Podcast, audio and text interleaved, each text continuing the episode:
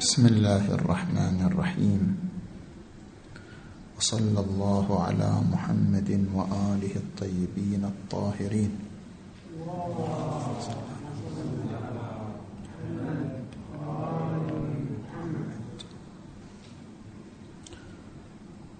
بعد اتضاح المذهب العقلي فلنا وقفة مع المذهب التجريبي.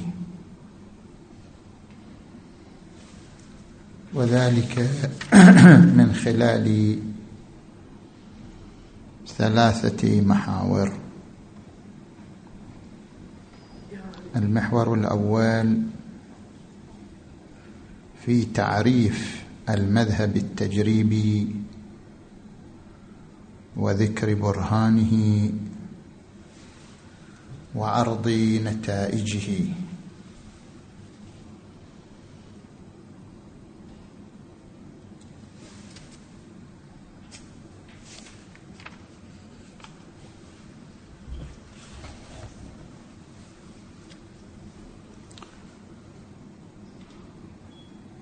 فما هو تعريف المذهب العقلي؟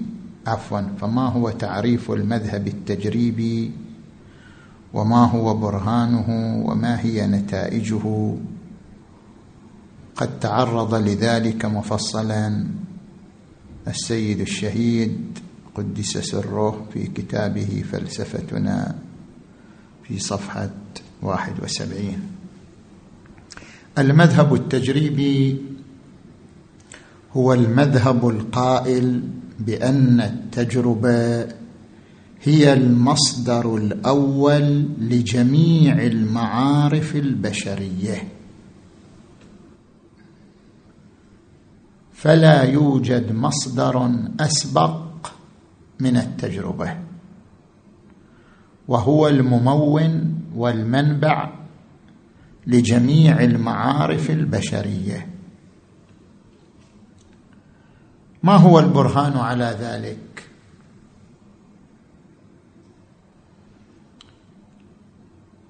قال البرهان على ذلك أن الإنسان يولد خاليا من كل معرفة بشهادة الوجدان. وإنما يبدأ يستقبل المعارف عن طريق الحياة العملية التي هي عبارة عن مخزون من التجارب ومخزون من المشاهدات ومخزون من الأحاسيس وكلما اتسعت تجاربه ومشاهداته أصبحت معارفه أضخم وأكثر مما يعني ارتباط المعارف ارتباطا جوهريا بالتجربة فلا مصدر إلا التجربه ونتيجة ذلك نتائجه نذكر نتيجتين مهمتين. النتيجة الأولى أن المعارف أن التجريبيين لا يعترفون بمعارف ضرورية. ما في عندنا شيء اسمه معارف بديهية. ما في. لا يوجد ما يسمى بالمعارف البديهية أو الضرورية. لأن كل معرفة لابد أن تعرض على التجربة والمشاهدة. لأن التجربة هي المقياس في تصحيح كل معرفة من المعارف. حتى الأحكام التي ادعى العقليون أنها أحكام بديهية ضرورية مثل لكل معلول علة مثل كل شيء هو هو وليس غيره مثل الضدان لا يجتمعان. كل هذه المعارف لولا التجربة لما ثبتت شنو؟ صحتها. هذه النتيجة الأولى. النتيجة الثانية تحديد طاقة الفكر البشري بحدود الميدان التجريبي. يعني أي معارف خارج التجربة؟ لغو عبث مو معارف. فكل بحث ميتافيزيقي أو دراسة لمسائل وراء الطبيعة كلها عمل أجوف عبث لغو لا ثمرة فيه لأن المعرفة الحقيقية هي المعرفة التجريبية. هذا هو المحور الأول تعريف المذهب التجريبي دليله ونتائجه. نجي الآن إلى المحور الثاني. في ركائز المذهب التجريبي وموقفه من المذهب العقلي. ما هي ركائز المذهب التجريبي وما هو موقفه النقدي من المذهب العقلي. نأتي إلى كتاب أصول الفلسفة الجزء الثاني صفحة مئة وسبعة وعشرين لنتعرف على هذه الأمور. الأمر الأول هو ركائز المذهب التجريبي. وهنا ركيزتان أساسيتان. الركيزة الأولى لا توجد قضايا بديهيه أولية. سبق في الجلسات السابقة أن عرفنا القضية البديهية. ما هي القضية البديهية؟ هي التي يكفي تصور الموضوع وتصور المحمول في الحكم بها. لأن الحكم بها لا يحتاج إلى واسطة لا عقلية ولا تجريبية. هذا معنى القضية البديهية. يعني عندما نقول مثلا الكل أكبر من الجزء لا نحتاج إلا أن نتصور الكل ونتصور الجزء ونحكم بالنتيجة. عندما نقول مثلا العدم لا شيء لا يحتاج إلى أن نتصور الموضوع فقط والمحمول ونحكم بهما. القضية البديهية ما يكفي فيها تصور الموضوع والمحمول فلا يحتاج الحكم فيها إلى شنو؟ واسطة. طيب هذا ما ينكره المذهب التجريبي يقول لا يوجد عندنا قضايا يكفي في الحكم بها تصور الموضوع والمحمول. لا يوجد. كل قضية لابد في الحكم بها من إقامة البرهان وهو التجربة. الركيزة الثانية وهي المهمة جدا. وطبعا هذا الآن إحنا عندنا عرض إجمالي فقط وإلا العرض التفصيلي يأتي في الجلسات الآتية. يعني السيد الصدر في الأسس المنطقية للاستقراء غاص في هذا المجال. الآن إحنا عرض إجمالي نتكلم. زين؟ الركيزة الثانية أن الفكر البشري متقوم بالنمو والتصاعد من الجزئي إلى الكلي أصلا طريقة الفكر البشري هي هذه. طريقة الفكر البشري جبلت على أن تنمو وتتصاعد.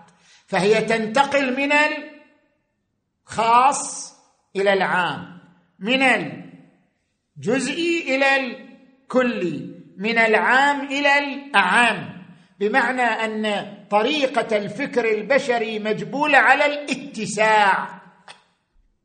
والنمو هكذا ولد الفكر البشري وهكذا طريقته في التفكير. فهو دائما يسير في أحكامه وتصديقاته من الأحكام الجزئية إلى الأحكام الكلية من الأحكام العامة إلى الأحكام الأعام تماما بعكس تماما بعكس المذهب العقلي الذي يقول بأن الفكر البشري طريقة تفكيره الانتقال من العام إلى الخاص من الكلي إلى الجزئي هذا يقول ابدا. أصلا ولد الفكر البشري وهو يعيش فكرة التصاعد والنمو والاتساع لا فكرة الانتقال من العام إلى شنو؟ إلى الخاص. ولذلك جميع الأحكام الكلية الموجوده في الذهن البشري اليوم والتي نسميها أحكام بديهية أولية. مثل التناقض مستحيل. مثل لكل معلول علة. يقول هذه الأحكام اللي انت تتصورها بديهية أولية هذه كلها جاءت من وين؟ من التجربة. فإن الذهن في البداية قد أصدر أحكامه بصورة جزئية ثم أصبحت بعد ذلك كلية. لماذا؟ لأن الإنسان منذ بدء حياته قد تعلمها. مو بديهية هذه قد تعلمها من مختبر الحياة الكبير نتيجة الاستقراء. وتكرار التجربة إلى آخره. من أين اكتشفت أن لكل معلول علة؟ من خلال الاستقراء والتجربة. من أين اكتشفت أن كل شيء هو هو وليس غيره؟ من خلال الاستقراء والتجربة. اذا الاستقراء والتجربة قادة إلى هذه الأحكام التي نسميها الآن بديهية أولية.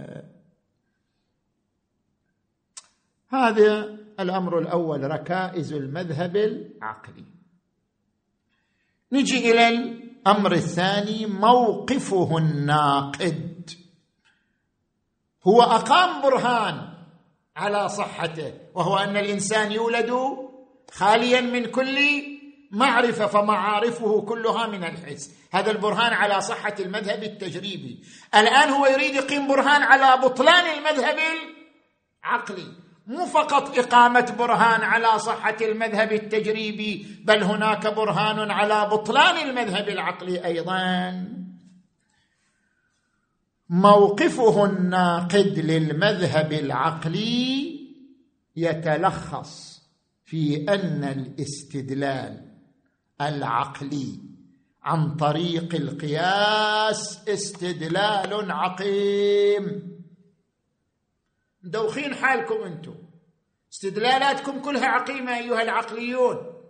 استنادكم إلى المنطق الصوري المسمى بالمنطق الأرسطي واستخدامه في مقام الاستدلال. هذا استناد عبث عقيم لأن القياس الذي طرحه أرسطو إما تكرار أو مصادرة على المطلوب. خل نشرح شلون هو إما تكرار أو مصادرة على المطلوب. إذا نرجع إلى كتب علم المنطق. طبعا نتحدث عن المنطق الأرسطي الذي يعتمده المذهب العقلي. إذا نرجع إلى كتب علم المنطق باب يسمى صناعة الاستدلال صناعة البرهان. هذا الباب الذي يسمى صناعة البرهان يقال أن الدليل الموصل للنتيجة هو القياس. القياس ما هو؟ مكون من صغرى وكبرى وحد أوسط مكرر في الصغرى والكبرى ليوصل إلى النتيجة. زين. خلنا نجيب مثال ونطبقه. هل فعلا هذا القياس منتج أم ليس بمنتج؟ عندما نقول الإنسان مادة واضح الإنسان مادة كتلة لها أبعاد أربعة. الإنسان مادة. وكل مادة تتحول إلى طاقة. الإنسان يتحول إلى طاقة. هذا هو القياس. وقد ذكر في باب القياس أن له أشكال أربعة وأن الأشكال الأربعة ترجع إلى الشكل الأول يعني أن أساس القياس في الإنتاج هو الشكل الأول. كل الأشكال ترجع إليه. والشكل الأول هو الذي ذكرناه. صغرى كبرى حد وسط يتكرر في الصغرى والكبرى. الإنسان مادة صغرى. كل مادة شوف تكرر الحد الوسط. محمول في الصغرى موضوع في الكبرى. وكل مادة تتحول إلى طاقة النتيجة. الإنسان نعم. الإنسان يتحول إلى طاقة. زين. يقولون التجريبيون. طبعا الآن إلى الآن صار بيني وبين بروفيسور في منطقة كلمازو في أمريكا هو بحث حول المنطق الأرسطي المنطق الصوري أنه منتج أو مو منتج. نفس الإشكال هذا. نفس الإشكال يكرر دائما. عندما تشكلون هذا القياس وتقولون الإنسان مادة وكل مادة تتحول إلى طاقة. فالإنسان يتحول إلى طاقة. يقول قبل ما نروح للنتيجة يجي إلى الكبرى التي هي العمدة في الاستدلال. وكل مادة تت... وكل وكل مادة تتحول إلى طاقة. أنت عندما قلت كل هل لاحظت؟ هل لاحظت مادة الإنسان. قبل أن تقول وكل. ما تقدر تقول وكل إلا إذا استقرأت كل المواد ورأيت كل مادة تتحول إلى طاقة فهل أنت عندما قلت وكل لاحظت الإنسان وعرفت أنه مادة فأدرجته تحت قولك وكل أو ما لاحظت؟ إذا لاحظت.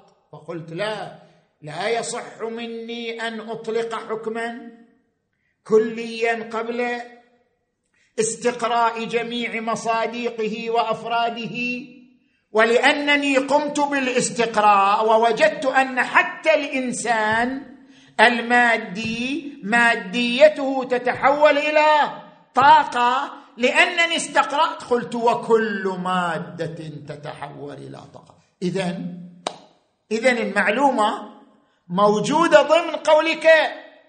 وكل مادة تتحول إلى طاقة. فقولك بعدين اذا الإنسان يتحول يصير تكرار بعد. لأنك من الأول قبل أن تصل إلى النتيجة. هذه المعلومة موجودة في كلمة وكل. ولولا أن هذه المعلومة موجودة في كلمة وكل لما صح منك إطلاق الحكم الكلي. إذا صار تكرار للمعلومه الإنسان ماده وكل ماده يعني رجعنا للإنسان أدخلناه في كلماتنا. وكل ماده ومنها الإنسان تتحول إلى طاقة. اذا ما في حاجة أن تقول بعد ذلك اذا الإنسان يتحول إلى صارت النتيجة تكرار. تكرار لمعلومة موجودة في القضية الكبروية. خوش. جئنا إلى الشق الثاني. طيب إذا تقول لا أنا عندما قلت وكل ما لاحظت ما لاحظت مادة الإنسان. يعني استقرأت كل المواد إلا مادة الإنسان فلم ألح فلم ألحظها ولم أدخلها في القضية الكلية. اذا لم تلاحظ كل المواد اذا قولك كل مادة تتحول إلى طاقة مصادرة على المطلوب. يعني أول الكلام كيف قلت كله بينما بعض المواد أنت لا تدري تتحول إلى طاقة أم لا تتحول. فانت اختار إما أن هذه الكلية جاءت عن استقراء تام وشملت الإنسان اذا النتيجة تكرار. أو أنها لم تنشأ عن استقراء تام فإطلاق الكلية مصادرة على المطلوب. اذا الشكل الأول غير غير منتج. خلاص سقط المذهب العقلي. اقرأوا على وحي الفاتحة. برهان المذهب العقلي يعتمد على المنطق الأرسطي منطق الأرسطي يعتمد على باب القياس. باب القياس يعتمد على الشكل الأول. الشكل الأول عقيم. سقط المنطق الأرسطي مع السلامة. زين. هذا هو الكلام في المحور شنو؟ الثاني. نجي إلى المحور الثالث. ملاحظات نقدية على المذهب التجريبي مو للمذهب هذا اشتباه عندنا في التعبير إحنا. مفروض نكتب على لأن هذه الملاحظات عليه وليست له. ملاحظات نقدية على المذهب التجريبي. نجي الآن أيضا إلى كتاب أصول الفلسفة صفحة 129 الجزء الثاني. لنجد ما هذه الملاحظات. طبعا الملاحظات هي مشتركة بين فلسفتنا وأصول الفلسفة. كأنه كتاب واحد. الملاحظات هي هي. آية اختلاف في الأسلوب أو اختلاف في المثال إلى غير ذلك. نجي الآن إلى الملاحظة الأولى.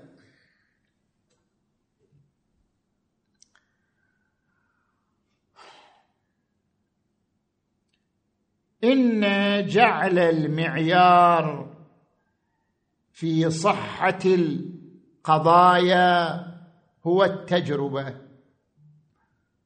كما صنعه المذهب التجريبي قال المعيار في صحة كل قضية هو التجربة.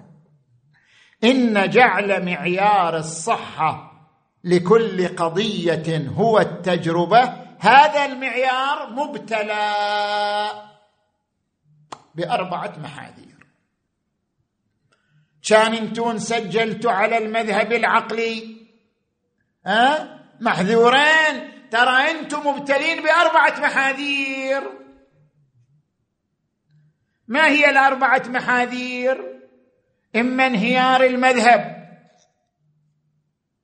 تجريبي أو التصديق بالمذهب العقلي أو عقم الإنتاج أو لزوم التسلسل أو السفسطة.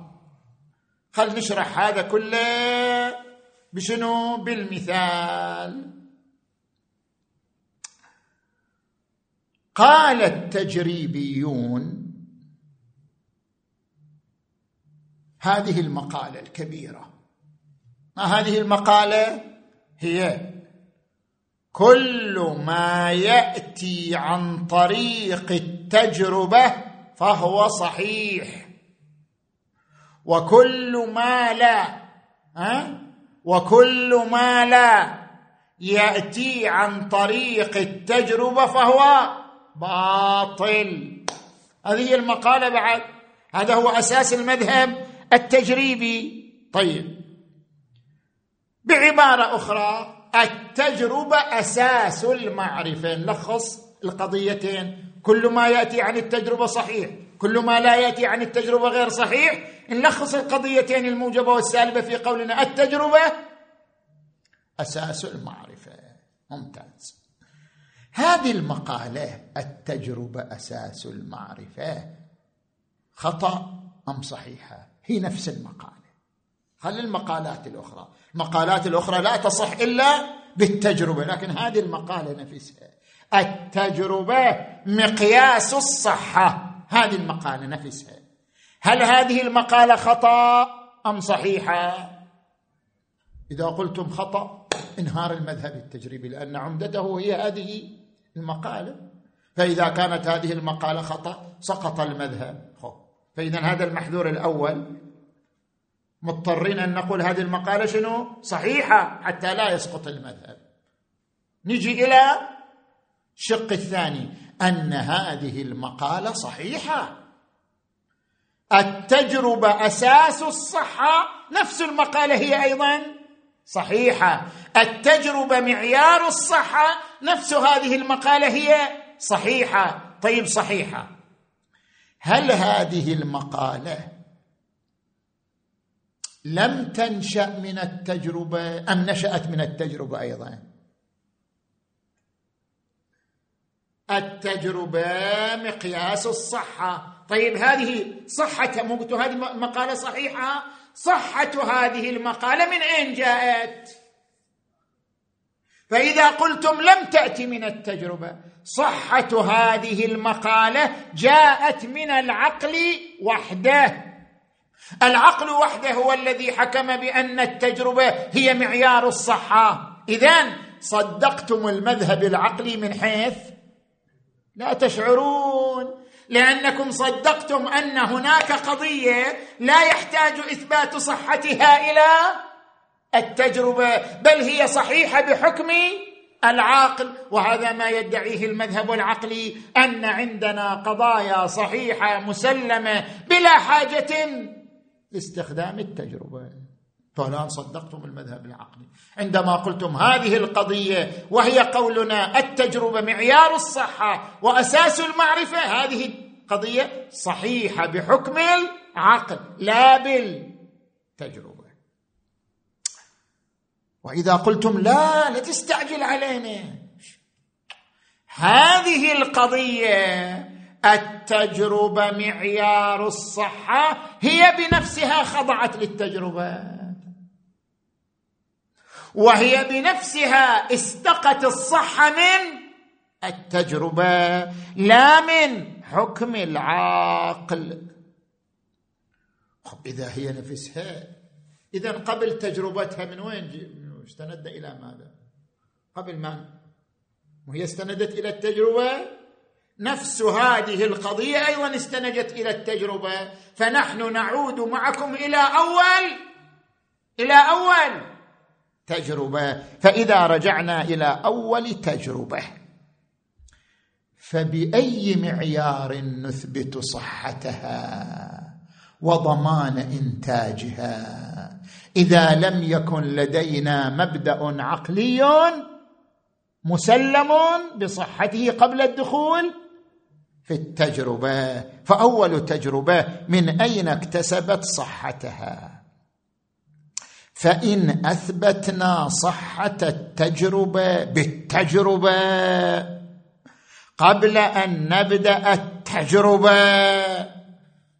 هذا أمر غير معقول لأن الشيء لا يثبت صحة نفسه وهذا هو معنى عقم الإنتاج. زين؟ وإما أن تقولوا لا التجربة أثبتت صحتها بالتجربة والتجربة أثبتت صحتها بالتجربة.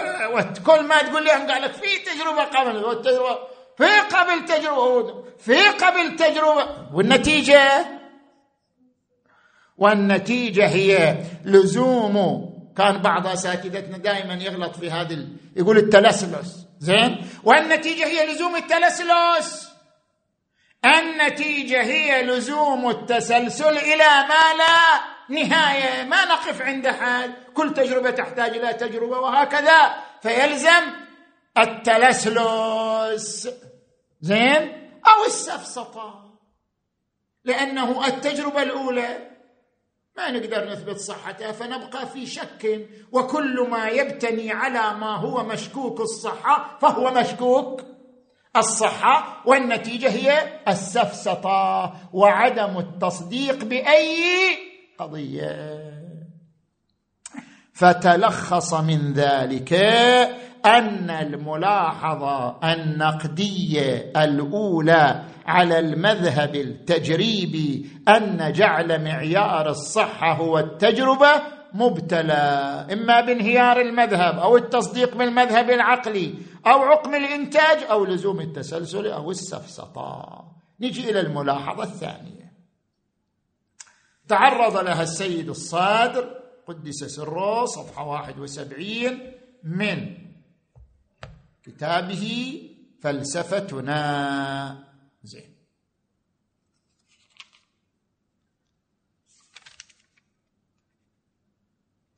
لا عفوا هذه صفحة أربعة وسبعين من كتاب فلسفتنا صفحة أربعة وسبعين. زين.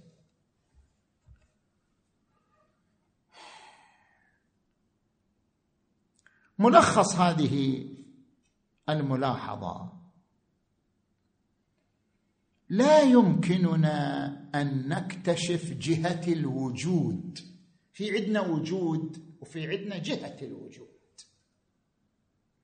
يعني وجود الإنسان له جهة أنه ممكن.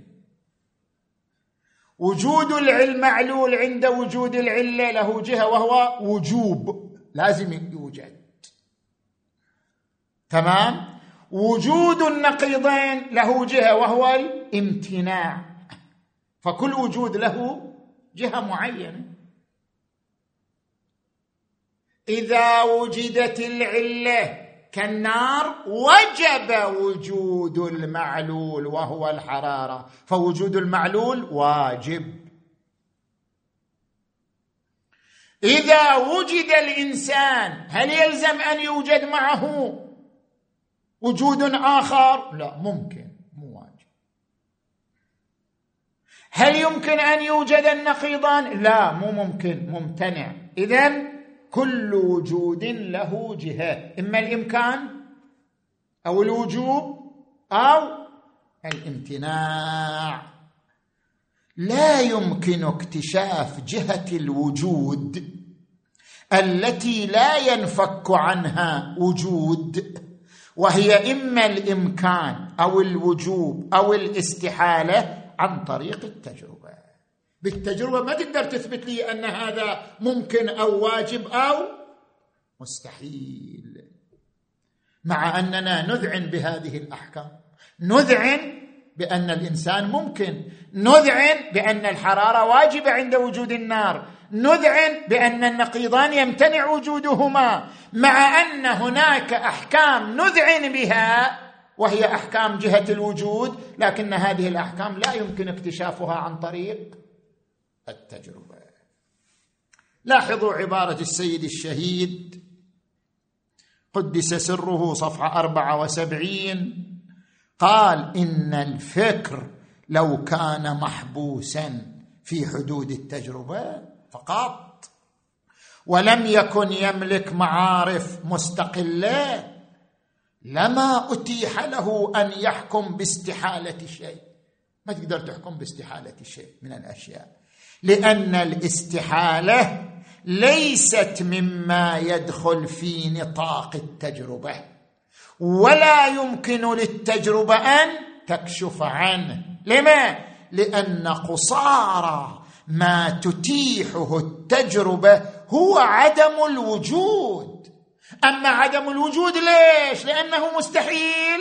هذا أمر لا تثبته. التجربة. ثم يقول فكم يبدو الفرق جليا بين اصطدام القمر بالأرض؟ لو قال لك واحد أن القمر اصطدم بالأرض. تقول لا. أو وجود بشر في المريخ؟ تقول لا. أو وجود إنسان يتمكن من الطيران؟ تقول لا. هذه قضايا. كلها أنت تقول لا لأن التجربة دلت على عدم تحققها. وبين وجود هذه فئة ثانية من القضايا وبين وجود مثلث له أربعة أضلاع. هذه الثانية ما تقول فقط لا بل تقول مستحيل. الأولى تقول لا. أكو إنسان على المريخ تقول لا بس مو مستحيل. بينما الثانية مثلث له أربعة أضلاع. مو بس لا تقول تقول هذا مستحيل أصلا ما يصير. ووجود جزء أكبر من الكل. هذا مستحيل. ووجود القمر حال انعدامه من ناحية أخرى هذا مستحيل. فإن هذه القضايا جميعا لم تتحقق ببركة التجربة.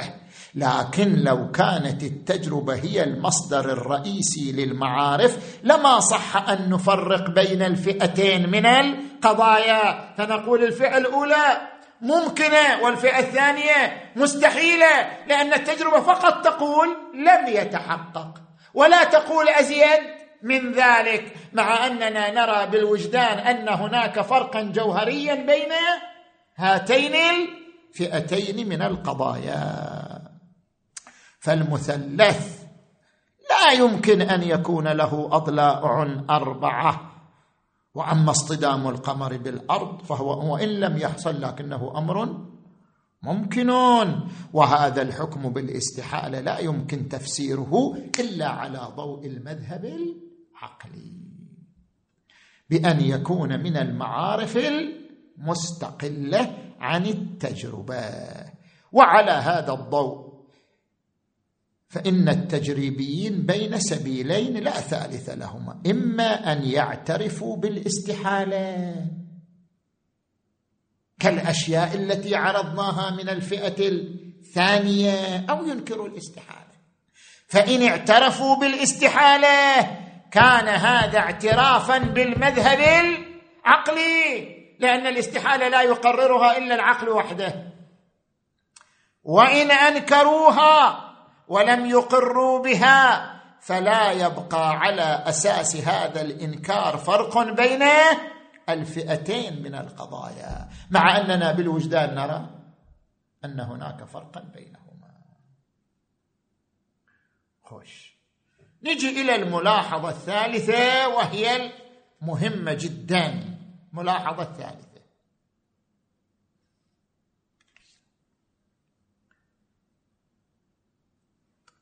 روح للملاحظة الثالثة. أحسن.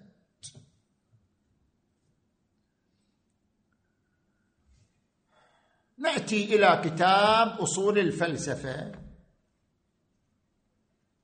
في صفحة 129 نشوف هذه الملاحظة الثالثة. الملاحظة الثالثة يقول إن التجربة محدودة بزمن ومكان وعدد. صح؟ نحن الآن نريد أن نثبت أن كل ماء بلغت درجة حرارته مئة فإنه يغلي. نريد نثبت هذه القضية الكلية لكن التجربة أقمناها في زمن وفي مكان وفي عدد من المياه. فلكي تنتج التجربة قضية شنو؟ كلية. نحتاج؟ نحتاج إلى صفات ثلاث. ما هي الصفات الثلاث؟ الكلية والدوام والضرورة. حتى تنتج التجربة قاعدة حتى تتحول التجربة إلى قاعدة نحتاج إلى عناصر ثلاثة. اولا الكلية كيف تصير قاعدة وهي ليست كلية؟ الدوام أنه دائما إذا بلغت درجة حرارة الماء 100 فإنه يغلي. لازم يصير دوام حتى تصير قاعدة. الضرورة. يعني إيش معنى الضرورة؟ يعني في ملازمة بين الغليان وبين شنو؟ درجة الحرارة 100 متى ما صار هذا يصير هذا في في علاقة ضرورية بينهما. لو لم تكن هناك علاقة ضرورية لما أصبحت قاعدة. فالقاعدة تحتاج إلى عناصر ثلاثة. كلية دوام ضرورة. طيب من وين تجيبها هذه العناصر الثلاثة؟ والمفروض أن التجربة كانت في مكان معين. زمن معين عدد معين. كيف يمكن لتجربة خضعت لزمن ومكان وعدد أن تنتج قاعدة تتمتع بكلية ودوام و وضرورة؟ اذا لكي توصل التجربة إلى القاعدة نحتاج إلى أصول. أصول وين؟ عقلية. ما لم تكن هناك هذه الأصول العقلية. لا يمكن للتجربة أن تتحول إلى قاعدة وتمتلك هذه العناصر. الثلاثة. فأول أصل هو شنو؟ امتناع التناقض. لازم نخلص منها الأصل بعدين ندخل التجربة بعدين تنتج التجربة. النقيضان لا يجتمعان ولا يرتفعان. زين. نحن طبعا ندعي نحن أصحاب المذهب العقلي ندعي أن التناقض قضية ضرورية يعني امتناع التناقض قضية ضرورية شنو؟ شنو؟ عقلية. هذا مدعانا بعد. هم يقولون هذه جاءت من التجربة. نحن نقول لا هذه سابقة على التجربة. نحن قبليون وهم بعديون. هم يقولون كل المعارف بعد التجربة. نحن نقول لا التجربة مسبوقة بمعارف ولولاها لما أنتجت التجربة. فنحن قبليون. أول أصل قبلي سابق على التجربة هو امتناع التناقض. ما معنى أن التناقض ضرورة عقلية؟ سيد الصدر في فلسفتنا يشرح هذا المعنى في صفحة ثلاثة وثمانين. يقول إن العقليين حين يقررون طبعا أنا حسب كذا قلت في أمور الأمر الأول شرح ضرورة امتناع التناقض. يعني حتى نبين الأصل الأول وهو أصل التناقض نحتاج أن نذكر امورا. الأمر الأول هو شرح ضرورة امتناع التناقض. نجي إلى السيد الصدر في شرحه لذلك. يقول إن العقليين حين يقولون إن هذه المبادئ ضرورية ومنها امتناع التناقض. فهم يعنون أن الذهن إذا تصور المعاني التي تربط بينها استنبط المبدأ الأول من دون حاجة لسبب خارجي. هذا معنى الضرورة. مو معنى الضرورة مثل ما تقول المدرسة العقلية اللي سبق بحثها في قسم التصورات. إيش قالوا المدرسة العقلية في قسم التصورات؟ قالوا ولدت مع مع الإنسان. يعني ولد الإنسان وهو يؤمن باستحالة تناقض. إحنا ما نقول هكذا. لا نقصد بالضرورة هذا المعنى. نقصد بالضرورة أنه لا يحتاج إلى تجربة فقط. مو أننا نقصد بالضرورة أنه ولد مع الإنسان وجبل عليه الإنسان. لاحظوا الكلام الآن. فلنأخذ مبدأ التناقض. فلنأخذ مبدأ عدم التناقض مثال. إن هذا المبدأ الذي يعني التصديق بأن وجود الشيء وعدمه لا يجتمعان. ليس موجودا عند الإنسان في لحظة وجوده الاولي بل هو يتوقف على تصور الوجود اولا. وتصور شنو؟ العدم. وتصور اجتماع الوجود والعدم. وبدون تصور هذه الأمور لا يمكن له أن يصدق أن الوجود والعدم لا. يجتمعان. فإن تصديق الإنسان بشيء فرع تصوره. اولا يتصور بعدين نقدر نقول يصدق أو لا؟ يصدق. وقد عرفنا عند تعليل التصورات أنها ترجع جميعا إلى الحس. يعني إحنا نوافق المدرسة الحسية في أن التصورات كلها تجي من الحس. تصور الوجود جاء من الحس. تصور العدم جاء من الحس. تصور الاجتماع جاء من الحس. كل هذه التصورات استرفدناها من الحس. بعد أن وردت هذه التصورات عن طريق الحس قارن الذهن بين الوجود والعدم.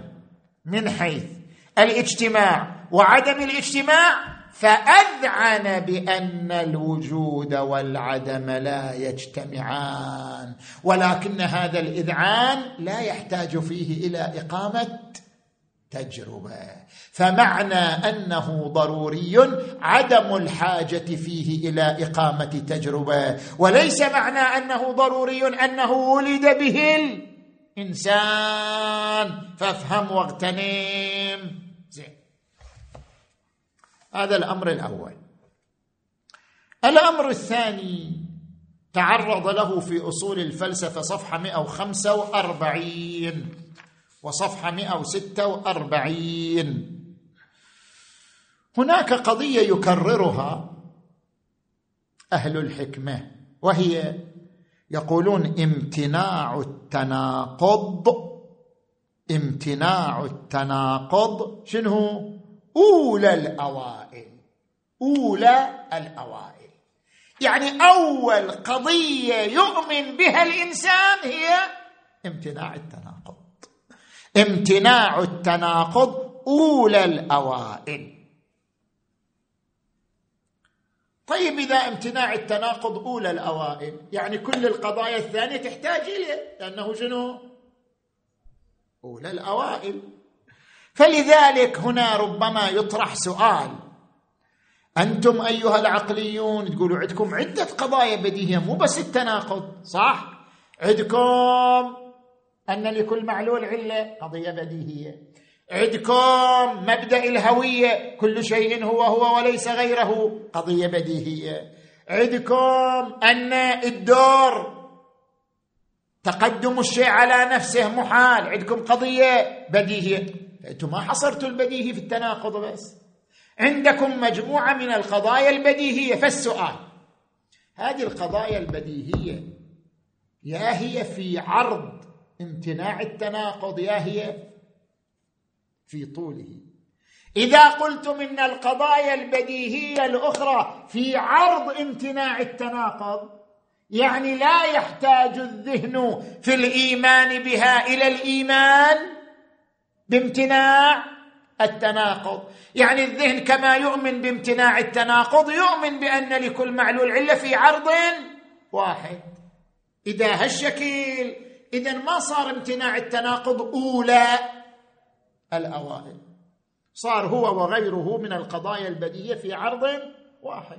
وإذا تقولون لا لا يمكن للذهن أن يحكم بأن لكل معلول علة أن الدور محال أن كل شيء هو هو وليس غيره. لا يمكن أن يحكم بهذه القضايا إلا إذا حكم اولا بامتناع التناقض. إذا صارت هذه القضايا الثانية نظرية وليست بديهية.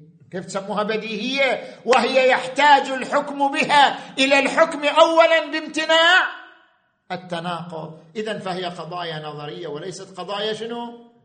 بديهية. حج محمد تقدر تطفي؟ أنا بريت يعني.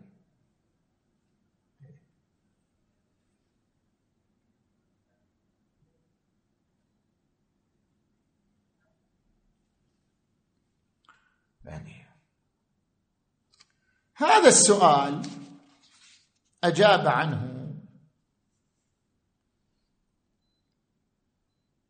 الشيخ المطهري تبعا للعلامة الطباطبائي رحمهما الله تعالى بأنه قال فرق بين احتياج البديهيات لامتناع التناقض وبين احتياج النظريات للبديهيات. القضايا النظرية تحتاج إلى القضايا البديهية ولذلك تسمى قضايا نظرية. كل ماء تبلغ درجة حرارته مئة فإنه يغلي قضية نظرية. وإنما سميناها قضية نظرية لأنها تحتاج إلى مجموعة من القضايا البديهية. لكن قضية إن لكل معلول علة هي قضية بديهية. وإن احتاجت إلى قضية امتناع التناقض. ففرق بين الاحتياجين. فرق بين احتياج القضايا النظرية للبديهية وبين احتياج القضايا البديهية إلى قضيه أولى الأوائل وهي امتناع التناقض. يقول في صفحة 146 من الجزء الثاني من أصول الفلسفة فاحتياج النظريات إلى البديهيات هي أن النظريات بتمام وجودها مدينة للبديهيات. يعني أصلا كل ولادتها من البديهيات. القضايا النظرية ليش سميناها نظرية لأنها تولد بتمام شؤونها من القضايا البديهية. تماما مثل الوليد الناتج عن الأب والأم. بينما احتياج البديهيات الأولى إلى أولى الأوائل وهي امتناع التناقض ليس بنحو الولادة وإنما بنحو بعض أحكامه. يعني قضية إن لكل معلول عله تحتاج في بعض قيودها إلى قضية امتناع التناقض. لا أنها تولد بتمام وجودها من قضيه شنو؟ امتناع التناقض. حتى أشرح لك هذا المعنى. ذكر وجهين في المقام. الوجه الأول ما ذكره صفحة 147 قال الحكم اليقيني الجزمي عبارة عن الإدراك المانع من الطرف المخالف. مثلا لا يمكن لك الحكم الجزمي بأن الإنسان ناطق إلا إذا كان لك حكم ينفي تماما احتمال العكس. ما تقدر تحكم جزما بأن الإنسان ناطق إلا إذا نفيت عدم النطق. أيضا شنو؟ بالجزم. فلا يمكن الجزم بأي حكم إيجابي إلا إذا نفيت احتمال العكس بشكل شنو؟ بشكل جازم.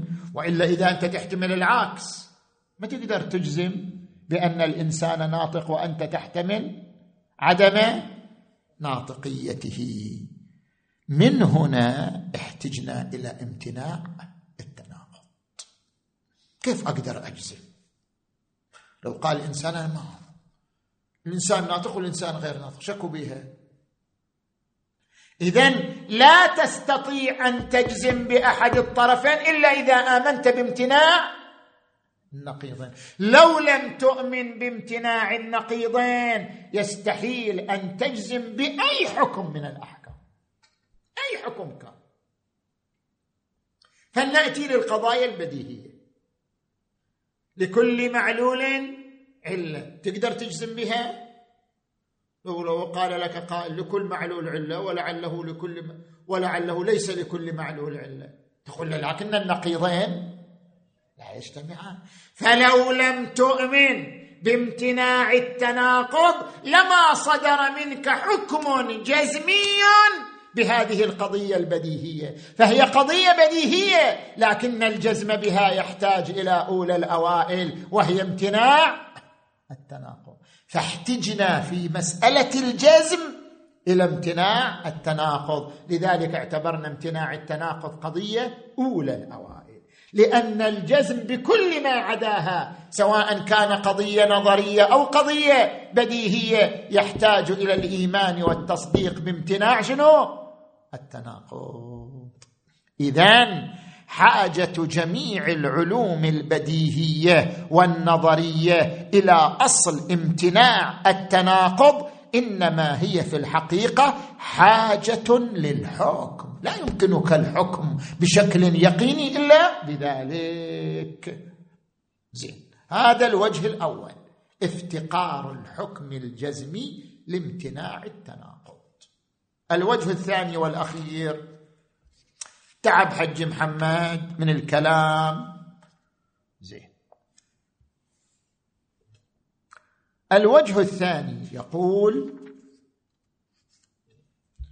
لو أننا جردنا الفكر البشري من هذا الأصل وهو امتناع التناقض. فلا مانع في الفكر أن يكون للشخص علم يقيني بأن زيد قائم وفي نفس الوقت له علم يقيني بأن زيد ليس بقائم. شنو المشكلة؟ ما دام امتناع التناقض لم يثبت اذا أي مانع من أن يكون لك يقين بعلمين متضادين؟ تعلم بأن لكل معلول علة يقينا وتعلم يقينا بأنه ليس لكل معلول علة. تعلم يقينا بأنه إذا بلغت درجه حرارة الماء مئة فإنه يغلي وتعلم يقينا بعدمه. شنو المشكلة؟ أي مانع من أن يكون لك يقين بالسلب والإيجاب يقين بالنتيجة وضدها؟ أي مانع؟ لا يمكن اجتماع المعارف المتضادة في اليقين يعني أن تتيقن بكليهما. لما؟ لاستحالة التناقض. لولا استحالة التناقض لجاز اجتماع المعارف المتضادة في اليقين بأن تكون معا متيقنا. فتلخص أن الأصل الأول لكل معرفة بديهية أو نظرية هي امتناع امتناع التناقض. والحمد لله رب العالمين.